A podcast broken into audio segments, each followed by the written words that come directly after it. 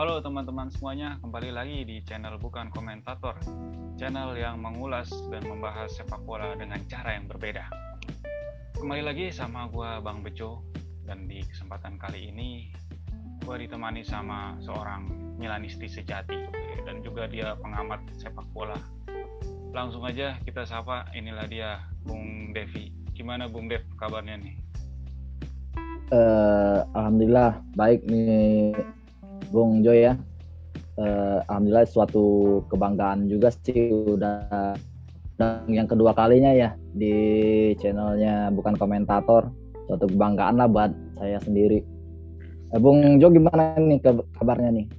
Ya alhamdulillah baik-baik aja nih semuanya lancar ya. Pokoknya kita ya. harus tetap juga menjalankan prokes ya protokol kesehatan. Iya. Jaga kesehatan lah intinya iya jangan kendor pokoknya. Ini iya iya iya. ini kita mau coba bahas nih yang lagi rame nih pertandingan uh, semifinal apa ya, apa tuh yang rame tuh? Ya itu pertandingan oh. rame di mana-mana di di media sosial eh, mau itu di Facebook di Twitter di Instagram semuanya rame. Trending topik nih sama uh, oh, berita, topik iya berita semua kalah ketutup sama seorang dona rumah gimana ini apa sih yang jadi Waduh, masalah kenapa? di rumah nih kenapa lagi tuh sebenarnya sebelumnya dana rumah itu Aduh, kurang kurang itu. kurang uang atau atau kurang apa nggak tahu kurang itu kurang uang kayaknya jadi rame di, oh, di gitu. di berita-berita itu uh, bahwasanya di pertandingan waktu Itali timnas Itali melawan uh, Spanyol yeah. semalam itu ternyata dia oh. selama 90 menit hampir ya kurang lebih dia diteriakin disiul sama supporter uh, negaranya sendiri, rakyatnya sendiri, timnasnya sendiri. Iya gitu. iya iya. Itu sebenarnya cukup. Mayoritas Mil Milanisti ya yang ny yang nyorakin. Ya ya nggak tahu juga kan itu bermain di San Siro. San Siro, uh, San, San Siro iya, juga iya, bagi iya. bagi dua San Siro juga kan patungan-patungan yeah. berdua dan juga dan juga pasti ada mungkin ada supporter Roma ataupun Juve. Iya iya iya betul betul tapi kan artinya kan itu sebenarnya e, bersatu dalam membela timnas sebenarnya ya. Tapi yeah. ternyata, ternyata e, kita dapat kabar e, ketika Donnarumma memegang bola atau me, me, menerima bola, memainkan bola, dia mendapat siulan dari e, beberapa supporter yang ada di belakang, khususnya mungkin kurva sud nih mungkin ya. Nah, gimana nih yeah, tanggap, yeah. tanggapannya nih, yeah. tanggapannya Bung? Kenapa sih terjadi hal seperti itu? Oke. Uh, bentar ya sebelum jawab ngopi dulu biar oh. biar relax jawabannya biar enak. Oke. Ya santai aja di ya. sini Jadi jadi gini Bung Joy ya kita melihat kenapa sih Dona Rumah disorakin gitu uh, dicuit-cuitin pas lagi megang bola ya sebenarnya sih masalah antara Dona Rumah dan Kurvasud Milano itu sebenarnya sedikit ada gesekan gitu. Karena ya semua orang tahu sendirilah apa yang dilakukan Donnarumma terhadap AC Milan pada saat bursa transfer yang baru saja selesai uh, kemarin ya, ya. Kita, uh, bulan apa itu? Ya musim musim ini maksudnya. Ya musim ini. Kita tahulah be, berbelit-belitnya Donnarumma yang selalu ngulur-ngulur waktu dan sampai akhirnya dia tidak memperpanjang kontrak. E, maksudnya dia meninggalkan memang meninggalkan Milan dalam keadaan yang gimana ya Mil? Pas lagi sayang-sayangnya ditinggalin gitu loh. Lebih kurang kayak kayak gitulah. Ya jadi otomatis lah kita e, jangankan Kurvasud Milano ya kita yang di Indonesia aja sedikit ya sebenarnya sedikit kece kecewa, kesal. Ya tapi mau mau gimana lah. Kalau untuk ngebahas cuitan tadi malam itu kembali lagi ke dona rumahnya ya. Gimana sih seorang kiper profesional cara menanggapinnya? Ya kalau dia memang profesional ya sebenarnya nggak jadi masalah. Sebelum kita juga melihat sih uh, kiper AC Milan Mike Maignan waktu ngelawan Juventus itu juga sempat diteriakin malah dengan kata-kata maaf ya rasis dengan kata-kata yang hmm. jelek gitu. Tapi ya kembali kembali ke mental mental mereka siap nggak nih? Ya kalau siap ya dia tetap fokus kayak Mike Mike Non tetap fokus dia meskipun udah dikata-katain kayak gitu ya. Tapi ya berarti Donnarumma ya bisa dikatakan mentalnya masih mental tempe masih belum bisa menerima sesuatu yang dijelek-jelekin. Ini baru baru dalam rasio kecil loh. Ntar gimana nih dalam rasio yang besar? Contohnya misal PSG ketemu Milan apalagi dapat kabar nih dia mau pindah ke Juventus. Itu yang dia harus siap itu menerimanya kalau emang terjadi ya Bung ya. Betul, jadi mungkin gitu Bung. Jadi artinya kalau menurut Bung Dev ini ini sebenarnya kembali lagi ke uh, jiwanya Donnarumma itu dia siap nggak menghadapi iya, mentalnya dia dia dia sebagai pemain bola hmm. harusnya kan uh, profesional dan harus siap juga menerima apa pun yang terjadi di lapangan karena kita tahu pemain profesional kan ada laga kandang, ada laga tandang, kita uh, bertemu dengan puluhan ribu supporter itu harus siap mentalnya sih. Seperti itu ya, Bu. Iya. Ya, ya yang sebelum seperti yang saya katakan tadi, seorang Mike dan juga malah dikata-katain dengan kata-kata yang nggak enak kan. Ya namanya juga kiper profesional ya nggak usah ngirauin yang dikata orang. Jadi kita tetap aja uh, fokusin ke diri kita aja. Di diri kita ya kita di sini bela negara bela timnas. Ya mau gimana pun caranya kita tetap profesional gitu. Meskipun dapat cuitan dari dari mana-mana itu. Yang jelas yang kata Bung Jo kata katakan tadi itu belum tentu Milanisti semua yang nyorakin pasti ada ikut campur lah dari fans tetangga gitu ya gitu Bung Jo ya Iya, karena yang di dalam stadion juga bukan cuma Milanisti, pasti ada juga fans-fans lainnya ataupun ya orang awam yang hanya untuk menonton sepak bola sebenarnya. Jadi nggak nggak semuanya juga ikut menyurakin gitu. Mungkin Milanisti juga nggak semuanya, saya yakin juga paling ada beberapa beberapa aja. Uh, cuma tanggapannya gimana nih kan di, di di medsos ramenya tuh ini ada yang bilang ada yang bilang ini kan partai uh, tim nasional Nah, ngapain sih bawa urusan-urusan klub ke timnas? Nah, itu sih. Sedang seperti yang kita tahu, uh, Mancini juga sempat uh, mengeluarkan statement bahwasanya ini laga uh, nas tim nasional bukan klub kecuali yang bermain itu PSG melawan AC Milan baru boleh lah di, di, di, dilakukan hal-hal so, teriakan seperti itu. Ini kan laga negara harusnya kan negara di atas segalanya gitu. Gimana tanggapannya?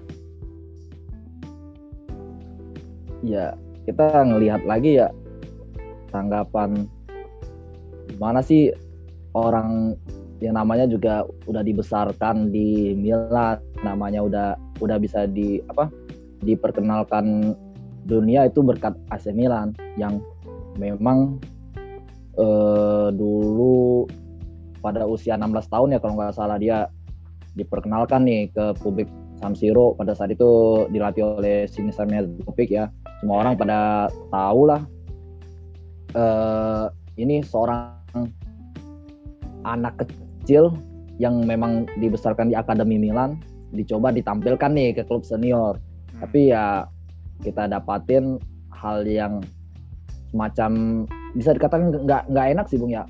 Sebenarnya kalau kita kecewa kita nggak nggak terlalu kecewa ya. Cuma kita juga udah pendapat dapat dapatin pengganti yang lebih lebih bagus lah intinya.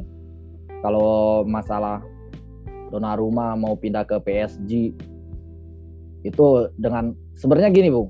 Bung Jo kan tahu nih eh, ngikutin nih seluruh seluruh apa seluruh update pemain nih.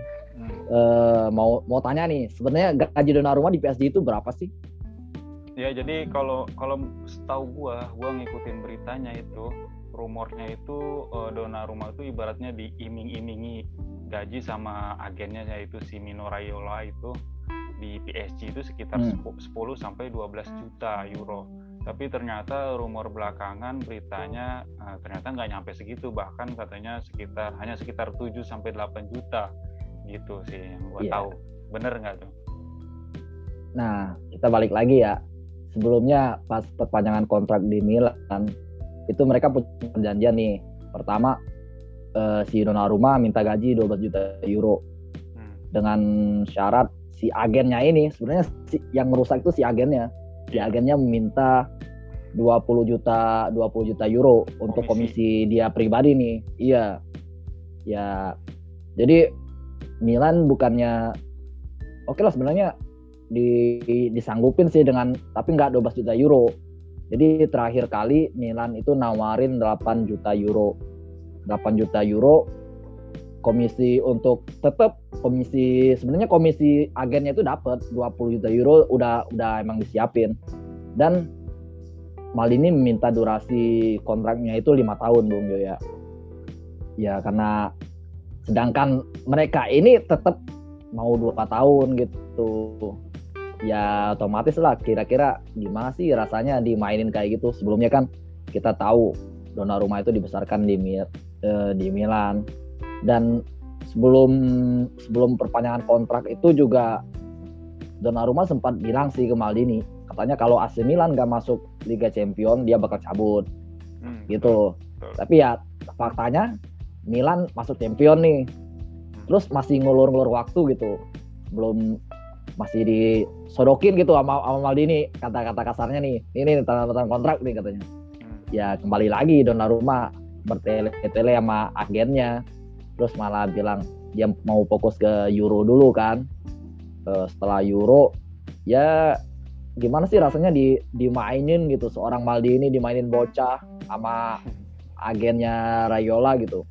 Jadi ya tanpa pikir panjang lah Maldini langsung narik Mike Maignan yang memang saat itu biaya transfernya bisa dikatakan cuma 15 juta euro dan gajinya masih di bawah UMR gitu.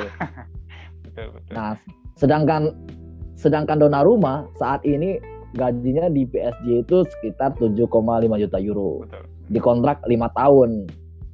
Nah, itu gimana sih nggak bikin bikin sakit hatinya itu tam, tambah parah loh sebenarnya. Udah ditawarin 8 juta euro, kakaknya masih di ditampung gitu di panti jompo kita di masih tampung. Tapi ya nampak juga emang dia mana dia juga ngikin agennya kan dia nggak berani lepas dari dari agennya kita tahu eh, Mino Raiola yang emang terkenal agen jalan bisa dikatakan setiap pemain yang diagenin dia bisa dikatakan ya susah untuk perpanjang kontrak juga karena kita tahu sendirilah lihat aja perut perut Rayola itu udah udah gedenya kayak gimana itu itu akibat mungkin faktor-faktor dia ngambil-ngambil hal-hal yang macam itu ya Bung ya. Mungkin sih itu aja sih pendapat pendapat gue pribadi ya. Oh iya jadi uh, bahkan setahu gue sempet uh, waktu di partai terakhir waktu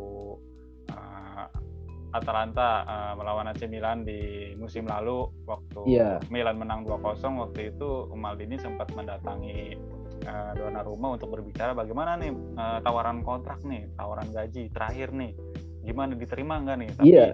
tapi yang diteri jawaban yang diterima dari Maldini uh, bilang dona rumahnya bilang saya mengikuti apa yang dikatakan agen saya gitu yang didapat jawaban dari seorang dona rumah ke Maldini ya jelas sih memang menimbulkan menimbulkan rasa yang uh, mengecewakan dan sangat ya sangat tidak tidak pantas lah bagi seorang pemain yang dibesarkan oleh klubnya itu mm -hmm. ya iya tapi ini bukan sebenarnya bukan kali, kali pertama Bung Jo dia melakukan hal semacam ini. Hmm. Sebelumnya di musim 2019 itu juga e, ngalami kendala gitu perpanjangan kontrak.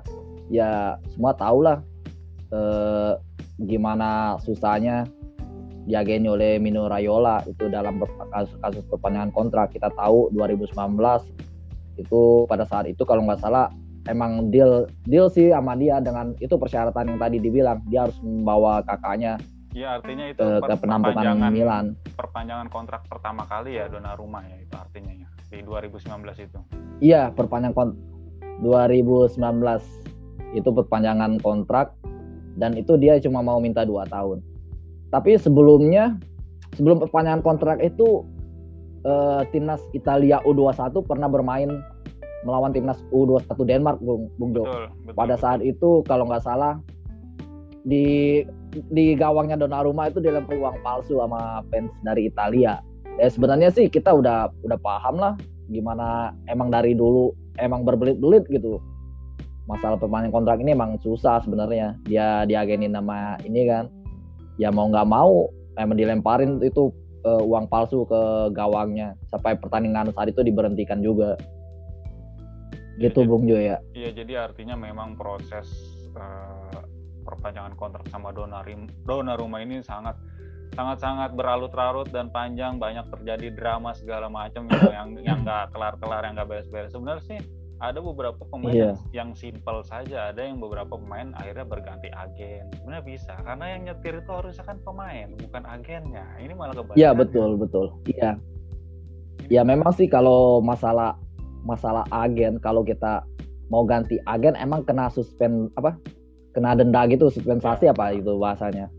Ya kita memang harus ya nggak nggak seberapa lah sebenarnya berapa berapa juta euro lah kira-kira. Ya seorang rumah sih udah udah oke okay lah. Terus masalah dia naik-naik gaji kita tahu lah sendiri gimana keuangan Milan saat ini. Sebenarnya Milan emang lagi butuh-butuh penyegaran keuangan ya. Soalnya udah dua tahun diawasin finansialnya. E, terus ya kita tahu. Sekarang kita buktikan aja deh seorang Sandro Tonali saat ini yang rela gajinya dipotong hanya untuk membela Milan terus kenapa Donnarumma yang dibesarkan di Milan yang diperkenalkan di Milan, yang udah bikin maju lah di Milan intinya. Terus e, dengan gampangnya dia cabut gitu tanpa ada terima kasih gitu, tanpa adanya ya setidaknya kalau dia mau dihormati di Milan, sebenarnya gampang sih dia oke okay, perpanjangan kontrak lima tahun. Main nih musim di UCL. Ya kalau dia emang mau pindah sih ya setidaknya kan nggak secara gratis gitu. Soalnya dia emang didikan akademi langsung akademi Milan, Bung Bung Jo. Jadi artinya Jadi gitu, Bung. Jadi artinya mungkin caranya aja nih, cara perginya Dona yang salah ya. Iya, caranya yang salah. Iya. M mungkin bisa ya kita ya mungkin bisa aja dia uh, perpanjang dulu satu tahun gitu. Tapi dia tetap tetap iya. pengen, pengen pindah tapi mungkin perpanjang dulu setahun dan dan mungkin ada jalinan kerjasama manajemen jika ada yang membelinya menawarnya dengan uang baru dia pergi begitu bung ya Iya, bisa uh, dapat dibicarakan secara baik-baik lah. Iya, mungkin ditambah juga sama gorengan media. Media juga uh, terlalu Iya, sebenarnya media yang parah ya. Iya, terlalu berlebih-lebihan juga sebenarnya. Sebenarnya ngelihat penampilan Dona rumah semalam itu lawan Spanyol nggak terlalu jelek-jelek amat gitu memang dia memang bagus iya. Dia tetap beberapa kali juga ada penyelamatan gitu cuma hanya yang disorotin si Ulana dan teriakan yeah. nonton itu aja sebenarnya. Sebenarnya nggak terlalu berdampak juga justru kan berdampak Italia kalah ya karena 10 pemain itu bukan karena siulan itu. Iya betul betul. Ya ini ini mau saya saya sedikit ini ya. Hmm. kenapa sih pas Italia kalah yang yang uh, pas Italia kalah kenapa sih fans Milan tuh yang dijadi sasaran gitu yang di, di kambing hitam kan gue menyorotinya kenapa FEGC mainnya di San Siro harusnya kan stadion lain ada di Roma ataupun yeah. di eh, Napoli ataupun di mana gitu sih Bung. Ya akhirnya capek nih Milanisti harus eh, membalas semua komentar-komentar netizen nih. Capek nih Milanisti nih gimana? Iya. ya kalau kita namanya juga netizen apalagi netizen Indonesia ya otomatis ya adu adu bacot itu udah udah hal biasa itu antara antara fans-fans di Indonesia karena kita tahu sendiri lah fans Indonesia itu emang jangankan uh, tim-tim Eropa, sedangkan tim-tim Indonesia aja, uh bacotannya udah luar biasa ya. Tapi ya itu tadi kita balik ke kedewasaan kita aja. Kalau kita berpikir nanggapinnya secara positif, ya pasti nggak bakal ini. Tapi kalau kita nggak ngadapinnya secara negatif, ya pasti kita bakal beradu argumen lah kira-kira. Mana ada sih gara-gara Milan Misti, Kurvasut Milano gara-gara mereka teriak-teriak Italia jadi kalah gitu. Tapi sebenarnya ya kita tahu sendirilah kekalahan itu juga didapatkan karena kartu merah dari Bonucci yang membuat permainan berkurang. Namanya juga 10 lawan 11 ya otomatis ya, susahan sih. Tapi sebenarnya kalau masalah Milanis ini gara-gara CSM nih.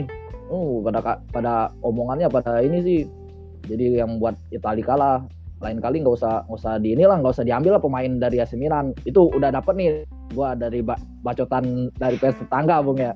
Ini gara-gara David Calabria nih pemain Milan nih masuk Italia makanya Italia kalah gitu. Kalau itu sih ya, tapi kita nanggapinnya. Ya kalau itu mah ya itu mah fans fans yang asal nyeletuk aja yang tanpa bicara iya makanya. ya itu tadi. Iya kita makanya kita ya kalau kita menanggapinya secara positif ya nggak bakal terpancing emosi ya. Tapi kebanyakan ya ada beberapa orang lah yang namanya juga cinta lah sama sama Milan terus dikata-katain kayak gitu ya pasti ada. Kalau ya kalau gua mah ya bodo amat lah. Ya kalau tanggapan tentang ini kan yang main timnas Italia ngapain sih Milanisti ribet-ribetin uh, teriakan ngegangguin aja gitu? Gimana tuh tanggapan? Ini bukan klub ini timnas lo yang main gitu. Lah kita datang ke stadion itu ngedukung timnas lo sebenarnya kita pakai seragam seragam Italia loh nggak nggak bukan nggak ada embel-embel Milan nggak ada banner-banner Kurvasut nggak ada semua itu kita tetap tetap dukung Italia sebenarnya ya balik lagi karena ada si Donnarumma di sana yang memang kebetulan kapan lagi sih bisa ngejelek-jelekin Donnarumma gitu, ngebahas dendam Donnarumma.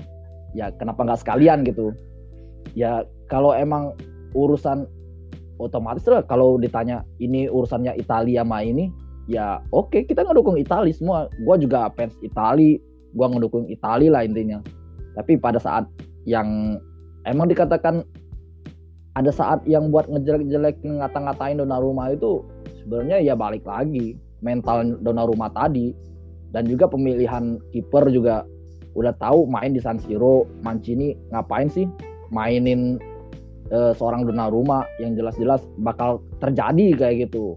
Otomatis lah yang bakal yang bakal dilakukan uh, fans-fans itu pasti uh, dengan kata-kata yang selalu ngejelek-jelekin kan setiap dona rumahnya itu bola mereka berteriak gitu bersorak-sorak gitu.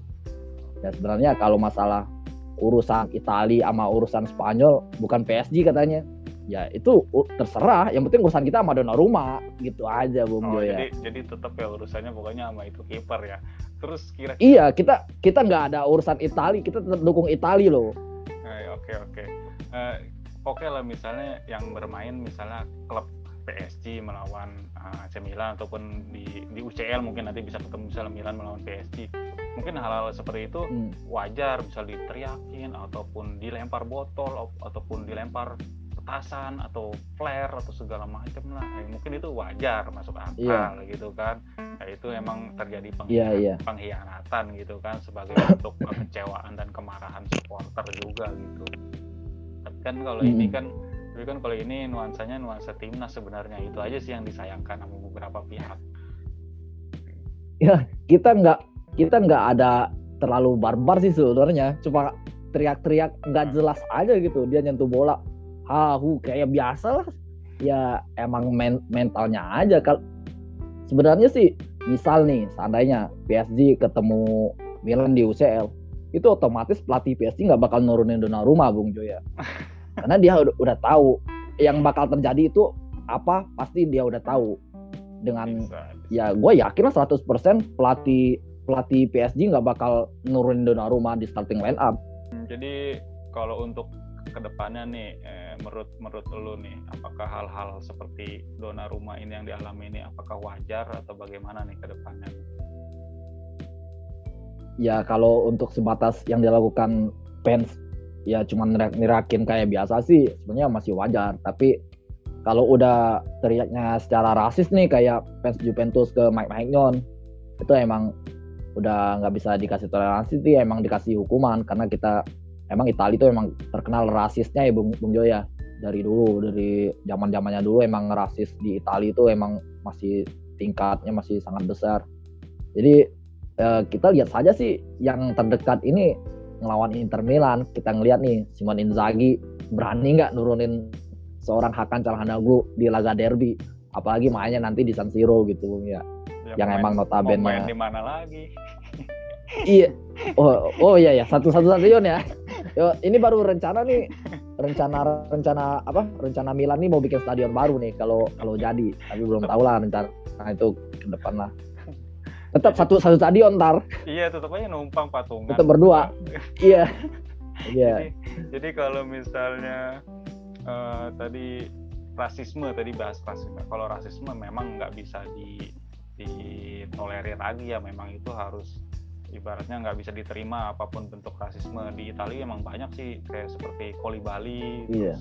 terus, terus juga Frankesi juga pernah terus Bakayoko juga pernah. Bakayoko iya. Uh, dan juga dan terakhir Mike Maignan. Nah, Mike Nan terus uh, belum lama juga waktu itu ada Balotelli. Nah, kalau emang rasisme sih emang parah sih sampai uh, si pemain hilang kendali hilang kontrol bahkan dia berhenti bermain kalau diteriakin hmm. rasis tuh ada benar kejadian kayak gitu Balotelli yang waktu... yang gua lihat sih terakhir Balotelli ya Bung ya. Main hmm. Milan juga.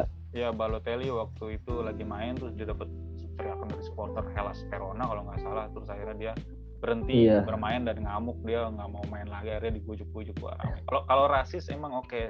uh, itu nggak nggak ada tempat buat rasis. Kita tahu itulah nggak pantas juga lah. Tapi kalau sekedar cuma siulan atau bentuk kekecewaan sama pemain berarti itu termasuk hal yang wajar ya bung ya ya itu tadi yang kembali ke mental mental diri kita sih gimana kita nanggepinnya. Kalau memang kita emang profesional sih sebenarnya masalah cuitan-cuitan itu nggak bakal masalah. Kita fokus aja sama, sama diri kita gitu aja Bung Jo. Oke terakhir nih Bung. Kira-kira ada pesan-pesan apa nih buat Milanisti yang sibuk ngebalesin ramenya medsos gara-gara rumah nih? Iya, uh, sebenarnya sih kita nggak usah terlalu tanggapin lah sebenarnya.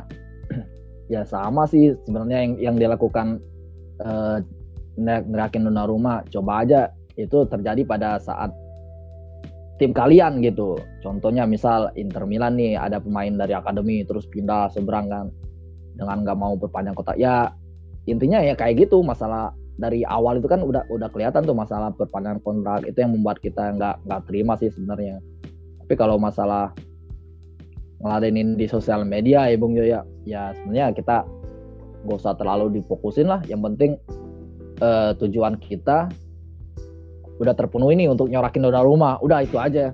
Mau dia lu kalah gara-gara Milanisti, lu bacotan Milanisti, Italia jadi kalah. Ya alhamdulillah aja kita mah. Pokoknya kita tetap kita Milanisti, kita juga dukung Italia termasuk gua ya Bung ya. Kita harus lebih dewasa, posit, uh, berpikir secara positif, secara inilah yakin aja uh, Mike Maignan lebih baik dari Donnarumma. Itu aja Bung ya. Oke, baik. Terima kasih nih atas waktu dan kesempatannya nih Bung Dev. Mudah-mudahan kita bisa ngobrol-ngobrol lagi nextnya nih Bung ya. Iya, iya, amin, amin, amin. Oke, baik buat teman-teman yang menyaksikan video ini, jangan lupa untuk like, komen, dan subscribe channel ini agar terus mengulas membahas sepak bola lainnya. Gue Bang Jo dan Bung Dep pamit undur diri. Pesan terakhir dari gue, uh, jangan peduliin apa kata orang. Udah lakuin aja apa yang lo mau. Oke, okay, bye-bye semuanya iya, teman-teman. Makasih. Assalamualaikum warahmatullahi Yo. wabarakatuh. Siap. Waalaikumsalam.